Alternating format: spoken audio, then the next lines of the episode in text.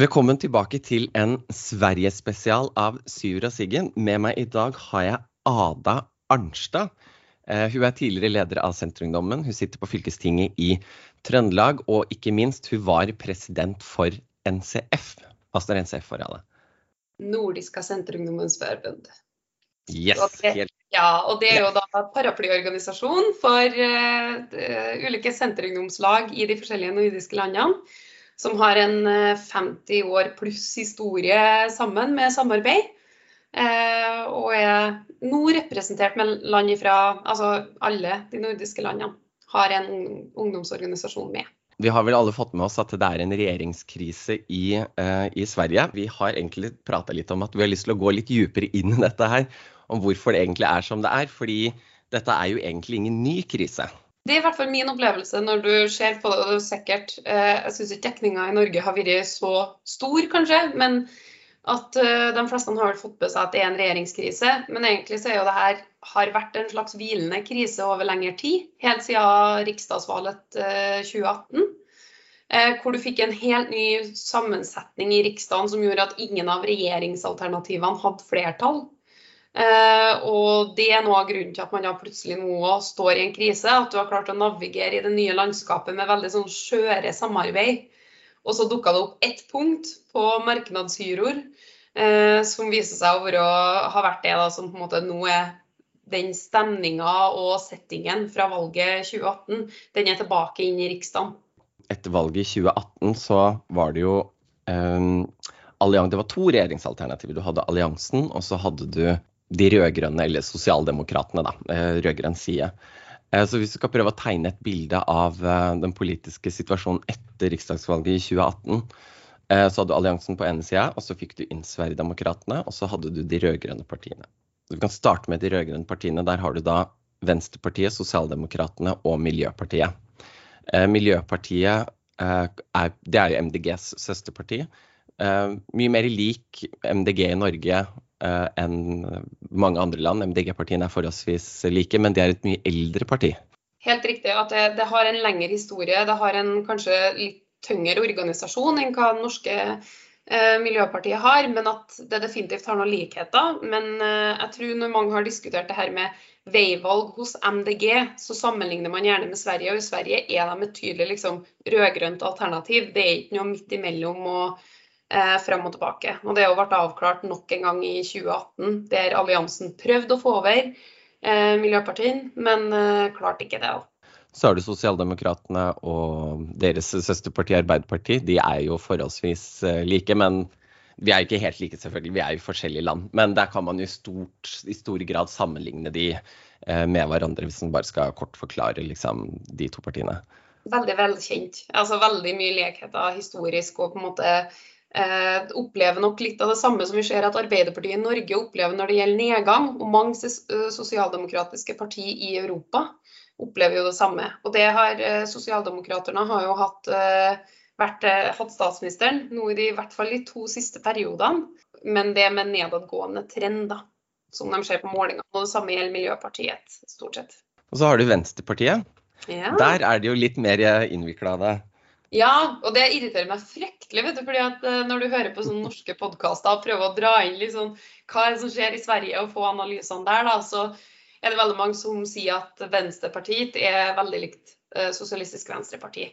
Og det er på en måte, jo da, Hvis man skal forenkle det, så kanskje det kan være en grei måte å gjøre det på. Men egentlig så er jo Venstrepartiet minner mer om en blanding av Rødt og SV. Eh, har kanskje samme størrelse som SV, men har en eh, fram til 1990 f.eks. så heter de jo Venstrepartiet Kommunisterne. Eh, så det er jo en helt annen sånn I Norge så har SV har ikke spilt opp den så mye, altså den kommunistiske ideologien. Venstrepartiet er eller og har hatt det kommunistiske med helt fram til 90-tallet, liksom, i partinavnet sitt til og med. Sånn at når jeg snakker med en del senterpartister i Sverige om det som skjer nå, så jo de er veldig opptatt av at du kan sammenligne Venstrepartiet med SV i Norge. At det er helt forskjellige røtter, og det gir en helt annen grunn til liksom, um, hvorfor det er så stor motstand da, mot Venstrepartiet uh, fra en del av de mer borgerlige partiene. Og så har du da på ja, borgerlig side alliansen. Yes. Det høres jo veldig flott ut med alliansen, og der inngår jo Senterpartiet. Ja, og alliansen var jo også regjeringsalternativet som Fredrik Reinfeldt styrte under. Det var ganske Jeg tror altså den, eh, den stemninga som er under Erna Solbergs regjering, selv om der er det jo noen oppturer og nedturer, men en veldig sånn tydelig lojalitet til partilederen og statsministeren som styrer, den så du òg under Fredrik Reinfeldt. Nå har de bytta partileder til Ulf Kristersson, og det har jo skjedd noen endringer. Men for å ta de ulike partiene, så har du jo Senterpartiet. Minner veldig om det norske Senterpartiet har mye samme røtter. De er nok hakket mer liberal og EU-vennlig f.eks. enn hva vi er. Eh, men de har opplevd en interessant vekst eh, som minner om litt av Senterpartiets vekst etter, eh, etter liksom, eller nå på 10-tallet, da, om man kan kalle det 2010-tallet. Eh, der man snakker mye om landsbygd og distrikt, og man er stolt over det. Men de, jo, de ligger jo og vipper rundt liksom, 10 eh, så litt mindre vekst enn det i Norge. Men eh, fortsatt, jeg syns det er en artig liksom, ting å se. Da, at der har man kommet nærmere hverandre. Så har du jo Liberalerne, som minner en del om Venstre. Det er nok det partiet som sliter mest på målingene og sånn i Sverige nå òg. Og som har tilhørt alliansealternativet.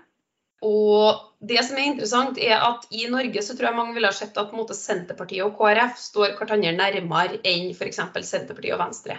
I svensk politikk så har det vært motsatt. At eh, Senterpartiet står nærmere libera liberalerne enn de står til Kristdemokraterne som jo minner om KrF i Norge, men som er betraktelig mer konservativt, eh, egentlig. Mm. Ja, Kristendemokratene. fordi det, det, er jo bare Jeg syns bare det er en morsom sammenligning. For det er jo hakket mer konservativt. Og de er jo eh, Men de har på en måte en annen stil. Altså, eh, Kontrasten var jo veldig morsom da Ebba Busch og Knut Arild Hareide gikk partilederdebatter ved forrige stortingsvalg og forrige riksdagsvalg, hvor Ebba Busch, som er en ung kvinne, halvt norsk, hun også for så vidt, uh, hun fyrer jo løs. Hun har jo ikke den der softe framtoninga som både Kjell Ingolf og Knut Arild har hatt. liksom sånn, sånn, rolig og veldig sånn ja, nå skal vi være snille. og uh, Ebba Busch det er jo mye nestekjærlighet der også, men hun har en veldig annen stil. Det er veldig sånn hard, konfronterende. Eh, kombinert med en litt mer konservativ eh, politikk. Og det ser man jo også da med tanke på deres eh, måte å hva skal man si, ja, deres, De var vel de første, en av de første som skjønte at man måtte se på Sverigedemokraterna litt annerledes. Ebba Busch Thor er veldig uenig med mye av politikken, men hun er jo helt rå i debatter. Hun fyrer løs, hun er ikke redd for noen, og hun er ikke redd for liksom, eh, å utfordre eh, og snakke veldig mye primærpolitikk. Eh, og det går mye på lov og orden, det går på helse, det går på liksom, omsorgssektor eh, mer. Og jeg syns at eh, det, det, er ganske imponerende imponerende jobb hun gjør. Selv om man er uenig med henne politisk, da, så er hun veldig tøff. Ja, Hun er jo et fyrverkeri. Hun, to, hun er jo ung kvinne. Hun tok over Kristendemokratene eh, mens hun gikk gravid. Kjempeung. ikke sant? Dette kristen, såkalte kristenkonservative partiet. Og så setter de inn en sånn ung gravid dame som leder, og som er et fyrverkeri og har leda partiet godt. Altså Virkelig en veldig imponerende politiker. Så har vi Moderaterne. Ja, Moderaterna, det er jo Høyre. De minner dere og samme syns jeg litt som liksom, Sosialdemokraterna og Arbeiderpartiet. At de, de, minner ganske mye, lett gjenkjennelig. Det er liksom de som har i stort hatt statsministerkandidatene på høyresida i Sverige. Eh, og styrt til ulike tider. Men der har du som sagt bytta ut en partileder eh, fra Reinfeldt som jeg opplever hadde ganske stor liksom, lojalitet. Og han var veldig skarp på å ta avstand fra Sverigedemokraterna. Til nå har du Ulf Kristersson. Og i løpet av, og det er noen ting som jeg synes blir litt underkommunisert i den norske dekninga, men fra valget 2018, der alle alliansepartiene, altså Senterpartiet, Liberalerne, Kristdemokraterne og Moderaterna, gikk til valg på ikke samarbeid med Sverigedemokraterna, så det er kun Senterpartiet som står igjen nå og mener det samme. Eh, og det er vel noen ting som sikkert kommer til å prege liksom, hva som blir ettermælet og rollen til Ulf Kristersson framover. Eh, at han har leda Moderaterna inn i det at man, man, vil inn i samtaler med Sverigedemokraterna og har hatt med seg KD på det. Og som du sier, at de har vært litt initiativtakere på det. De har ikke vært redd for den kontakten etter Ebba Busch Thor tok over. Og så har nå liberalerne, etter det her regjeringskrisen som har pågått nå siste måneden, så har de òg eh, blitt med resten av alliansepartiene i den, den holdninga overfor Sverigedemokraterna. Som jo er litt av årsaken til at, måte, at valget 2018 var et krisevalg. Eller skapte en krise i Riksdagen. Det er jo Sverigedemokraterna. Fordi det er et parti som har vært med i svensk politikk eh, over litt lengre tid, og har vært inne i Riksdagen siden ut på slutten av 2000-tallet. Um, ehm, men som fram til 2018 og valget da var liksom helt uh, ja, uaktuell å samarbeide med for alle. Ble mm. utestengt fra en del kanskje litt mer sånn en ting er jo utestengt fra samarbeid og sånn mellom partiene, men sånn som jeg opplevde så har det jo vært litt utestengning av dem i rene liksom sånn parlamentariske parlamentarisk lov og orden, da, så har man holdt dem litt utafor. Ja, det, det, er jo ikke ryddig.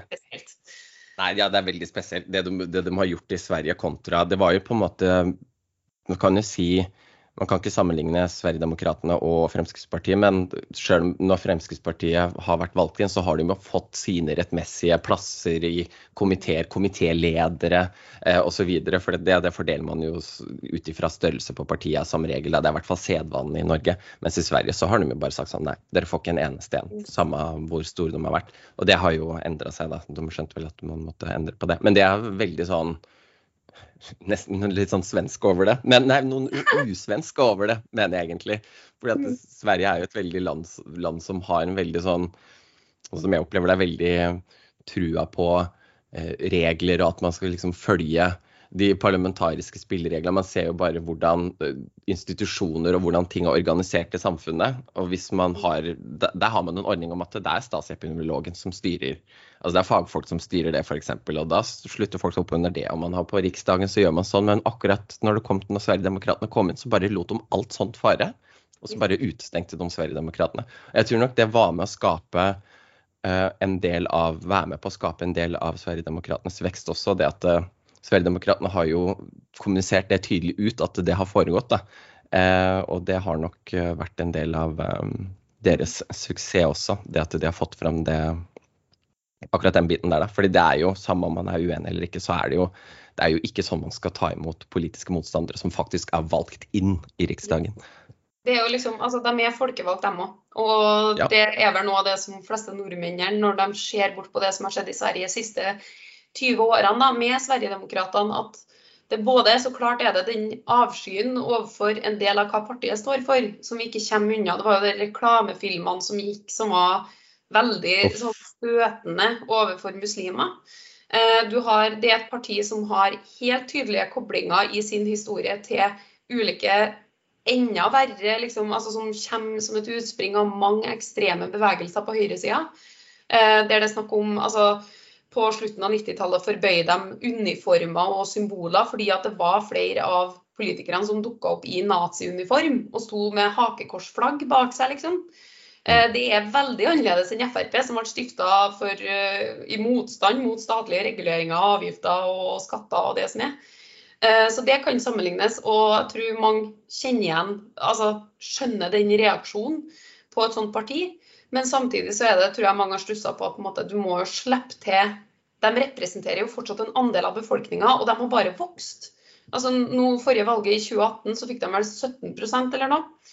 Eh, mm. da var på en måte beskjeden at, eller Det som ble omtalen i etterkant, var jo liksom Vi trodde de skulle bli enda større, så det her var jo veldig bra. Men de er jo fortsatt veldig stor del av befolkninga. Ja som stemmer på dem. Og da er i hvert fall på en måte minimum av parlamentarisk skikk, så bør de inkluderes pga. dem som har stemt på dem. Eh, og så betyr ikke at de andre partiene skal behandle dem sånn eller sånn i eh, altså det politiske samarbeidet.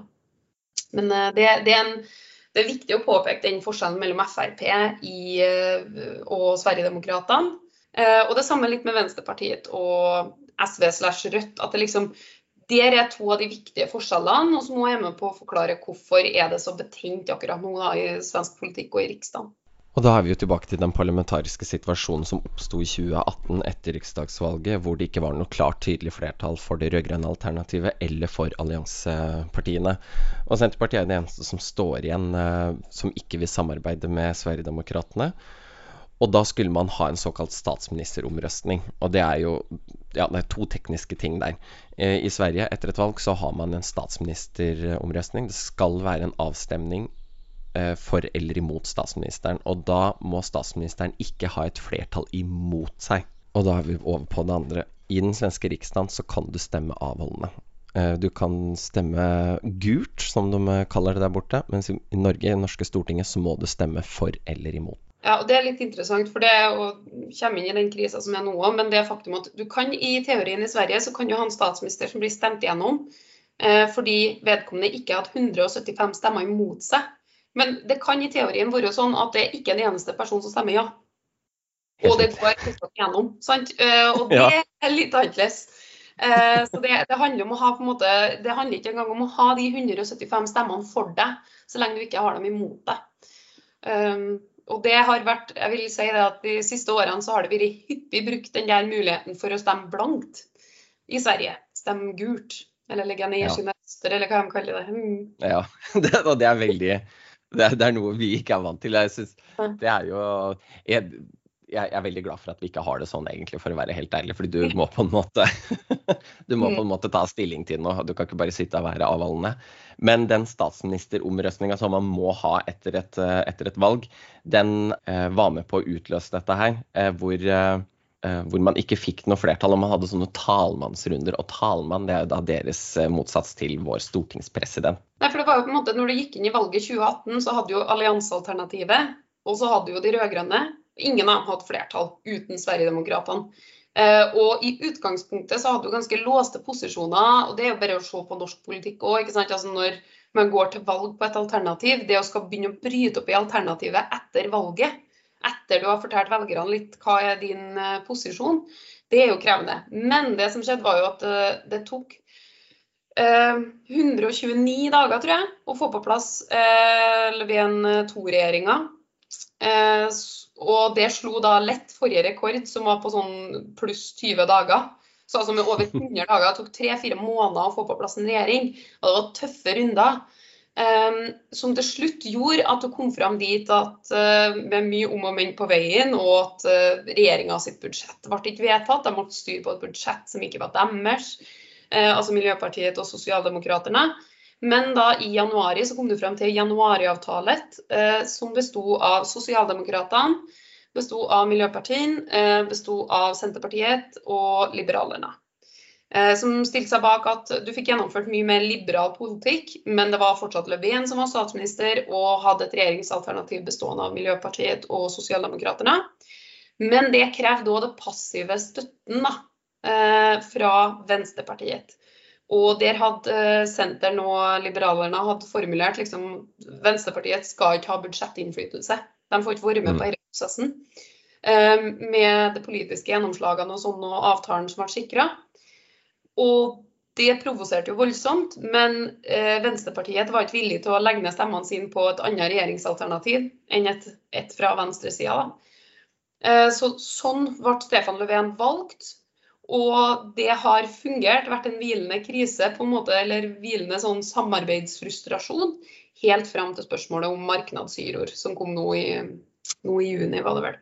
Den samarbeidsavtalen, januar, januaravtalen, eh, den har jo også noen sånne litt sånn, litt sånn For oss nerdete folk så har den jo også en litt sånn morsomme ting at eh, sånn som liberalerne, de hadde jo da tjenestemenn på Rikskanseliet for å være med å gjennomføre januaravtalen.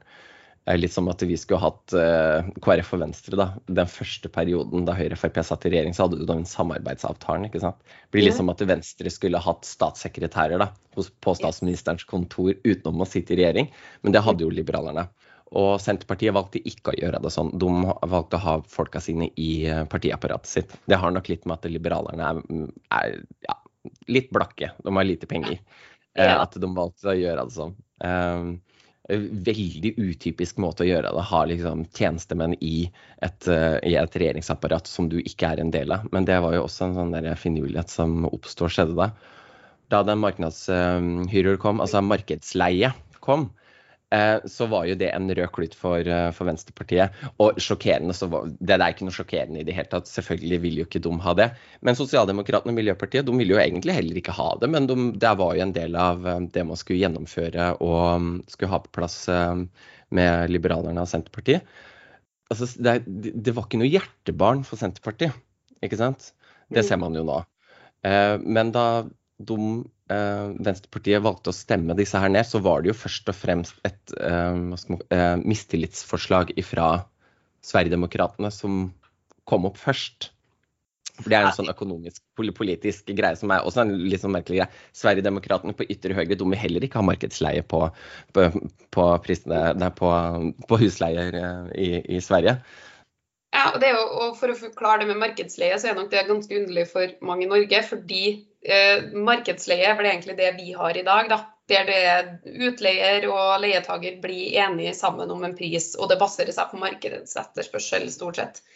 I Sverige så har du hatt mer regulerte former. Jeg skjønner ikke alt av det, må jeg innrømme. Men at um, bl.a. at det er enighet mellom en organisasjon som representerer leietakere, og en som representerer utleiere. Og så blir man enig, og så settes det ut fra det. Uh, og så er jo det som står i januariavtalen, og som det var regjeringa skulle gjennomføre, som du sier, imot sosialdemokraternes vilje, egentlig. Uh, de er ikke så interessert i det. Det er jo en av eh, Folkhemsløftene liksom, som ble gjort etter krigen, var at man innførte det. Eh, men da i hvert fall så var det snakk om en utredning av det. Så det er jo ikke snakk om noe mer enn det. Men Venstrepartiet har helt siden starten og helt siden de så januariavtalen, liksom, som de sjøl ikke fikk delta i å utarbeide, sagt at der kommer vi til å stemme imot eh, hvis det forslaget kommer. Og nå kom det. Eh, og da er det som du sier, Sverigedemokraterna leverte et mistillitsforslag. Eh, Moderaterna og Kristdemokraterna de eh, kunne sikkert tenkt seg å få gjennomført en sånn utredning, men de stemte imot fordi de stemte imot regjeringa. Og sånn ble det da at du faktisk fikk et flertall for mistillit mot Stefan Löfven må legge til at det er jo markedsleie på Man skal utrede markedsleie på nybygg. Altså ikke noe frislipp, kun på nybygg. Uh, og det var jo den begrunnelsen med at man skulle gi utbyggere intensiv for å kunne bygge flere utleieboliger, hvis man da skulle kunne ta markedsleie, altså da høyere leie. Men et lite sidespor, da, hvis man skal dra den tenkninga helt ut, så kan man egentlig bare se over til Norge om hvordan det fungerer. fordi her er det jo totalt deregulert. Vi har ikke noe regulert uh, leiemarked i det hele tatt. Så hvis man skulle fulgt den logikken helt ut, Eh, så burde det jo i teorien da vært masse ledige og billige utleieleiligheter eh, her i Norge eh, og her i Oslo. Men det ser vi jo at det ikke er. Så som med så mye annet så tror jeg nok man må finne lure mellomløsninger på ting og tang. For to land som er såpass like på veldig mye politisk, så er dette et veldig godt eksempel på de forskjellene som er, men òg altså, hvor du får nedsidene veldig synlig, veldig konkret på begge sider av grensa.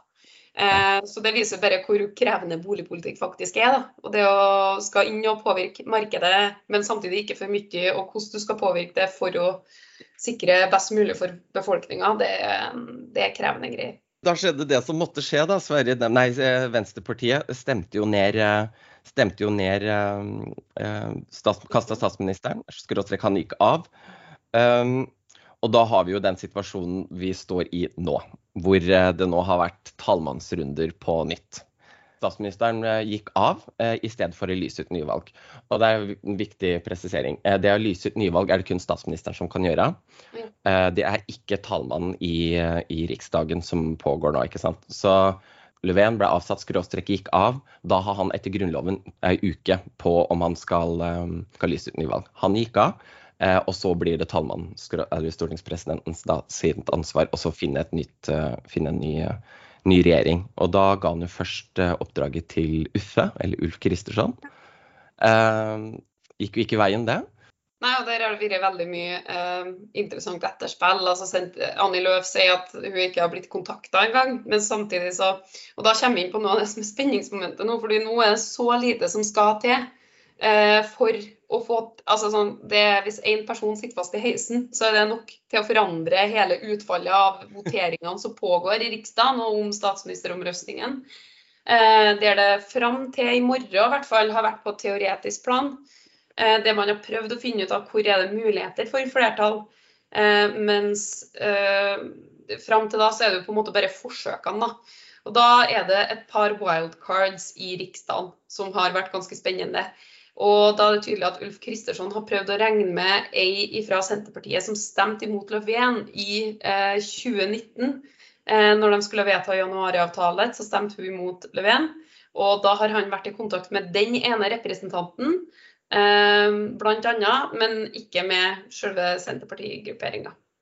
Så det er, det er virkelig Altså det er heftige runder som har gått. Men eh, ja, Ulf Kristersson fikk oppdraget først, eh, men sikra ikke nok flertall. Eller sa det at det ikke var parlamentarisk grunnlag for at han skulle fortsette det oppdraget med å prøve å danne regjering. Da gikk forslaget tilbake til Stefan Löfven. Eh, og det har vært ganske krevende, fordi liberalerne har jo meldt overgang på en måte i det her blokksamarbeidene som har vært etter 2018. Nå har de blitt gått sammen med Kristdemokraterna, Moderaterna og da Sverigedemokraterna sitter i hvert fall passive støtte til en ny regjering. Og da sto det på mange måter og falt på Senterpartiet og Senterpartiet og Venstrepartiet og hvordan den, liksom, det samarbeidet skulle foregå.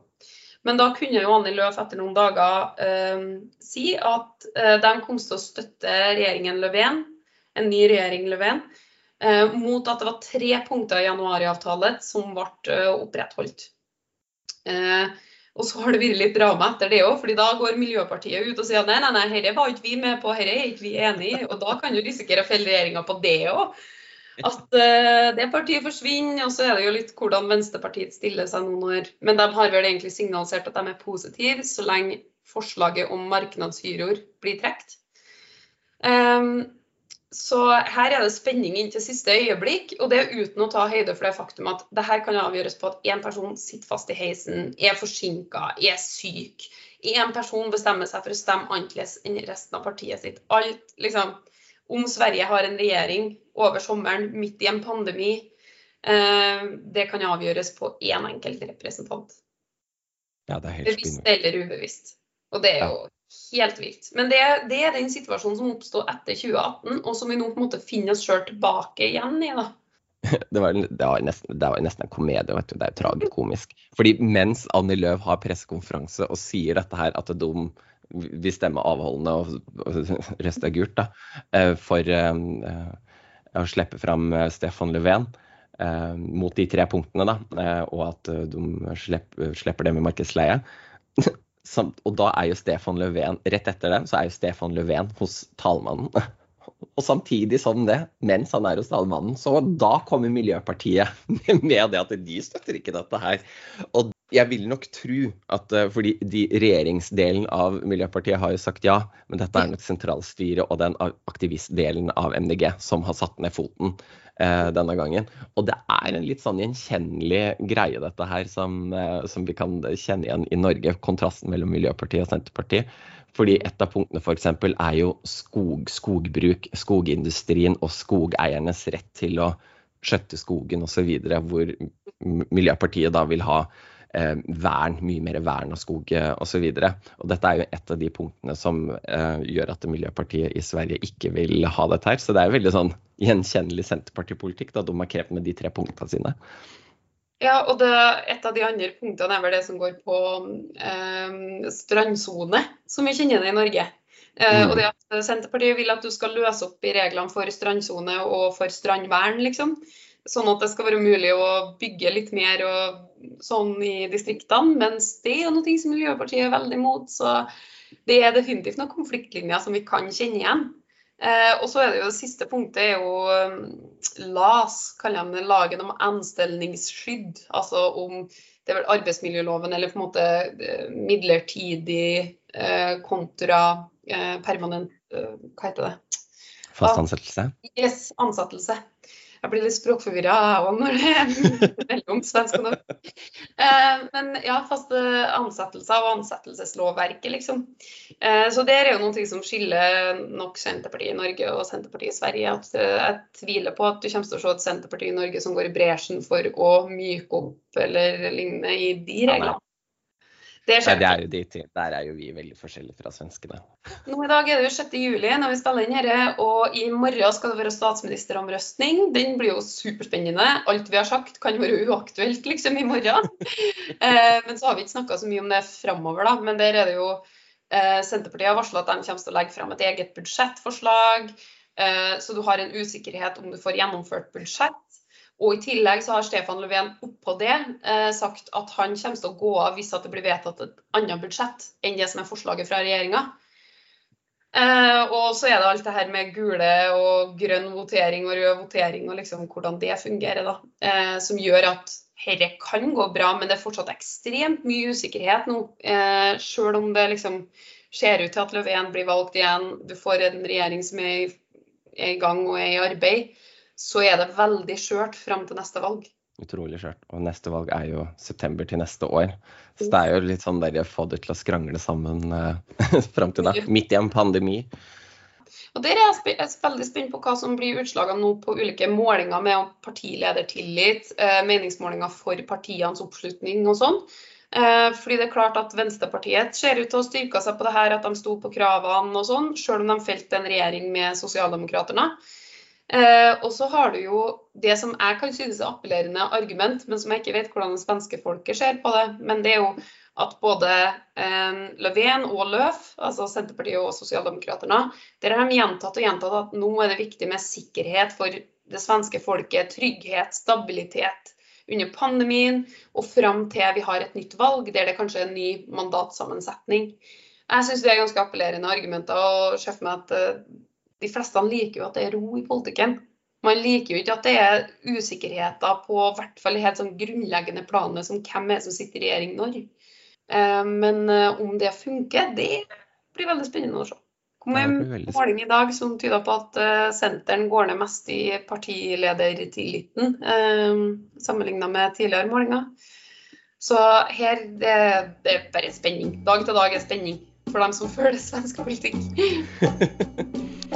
Da sier vi tusen takk, eh, takk, for nå. Tusen takk eh, til deg, Ada, som kunne komme på podkasten. Det var veldig trivelig, Sigurd.